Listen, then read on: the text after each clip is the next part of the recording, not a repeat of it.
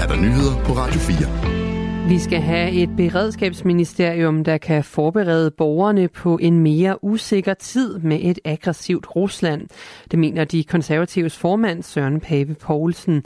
Han finder sin inspiration i Sverige, som har en civil forsvarsminister.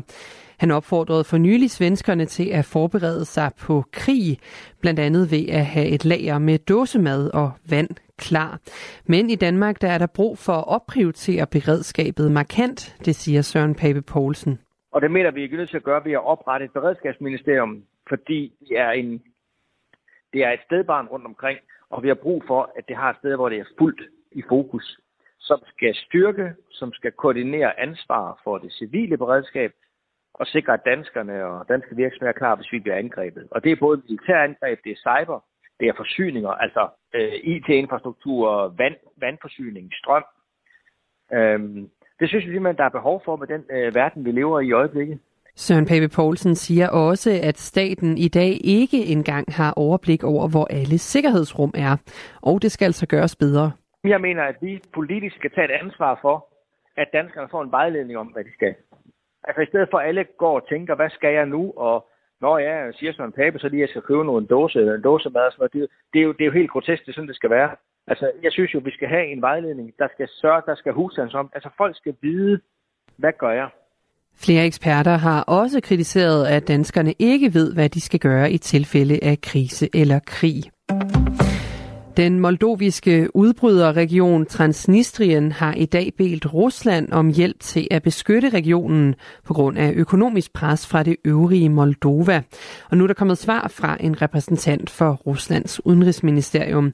En repræsentant for ministeriet siger til det statslige russiske nyhedsbyrå TASS, at beskyttelsen af Transnistriens folks interesser, vores folkefælder, er en af vores prioriteter.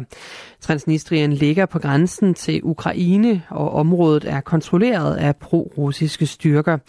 Anmodningen fra Transnistrien er blevet sammenlignet med et lignende ønske om beskyttelse fra pro-russiske oprørere i det østlige Ukraine, kort inden Ruslands invasion for to år siden.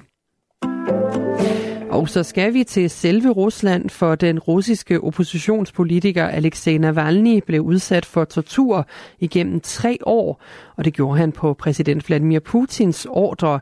Det hævder i hvert fald hans enke, Julia Navalnaya, under en tale til Europaparlamentet. Putin killed my husband, Alexei Navalny. On his orders, Alexei was tortured for three years. I talen sagde hun også til politikerne i EU-parlamentet, at de ikke har med en politiker at gøre, når det kommer til Putin, men med et forbandet uhyre. Tidligere i dag har en af Navalny's talspersoner sagt, at han bliver begravet i Moskva på fredag den 1. marts. Kong Harald har det lidt bedre, det siger kronprins Håkon ifølge det norske nyhedsbyrå NTB til pressen. Kong Harald blev i går indlagt med en infektion på et hospital i Malaysia under en ferie. Kongens livlæge er også i Malaysia og siger, at kongen har det bedre. I aften og nat der bliver det mest skyde, og sidst på natten kan der komme lidt regn til Vestjylland. Temperatur ned mellem 2 og 6 graders varme og en let til frisk vind, der kommer ind fra syd. Ved kysterne kommer der stedvis hård vind, og ved vestkysten op til kuling. I morgen kommer der i den sydøstlige del af landet lidt sol, ellers så bliver det mest skyet. Det er nyhederne her på Radio 4 i studiet Anne-Sophie Felt.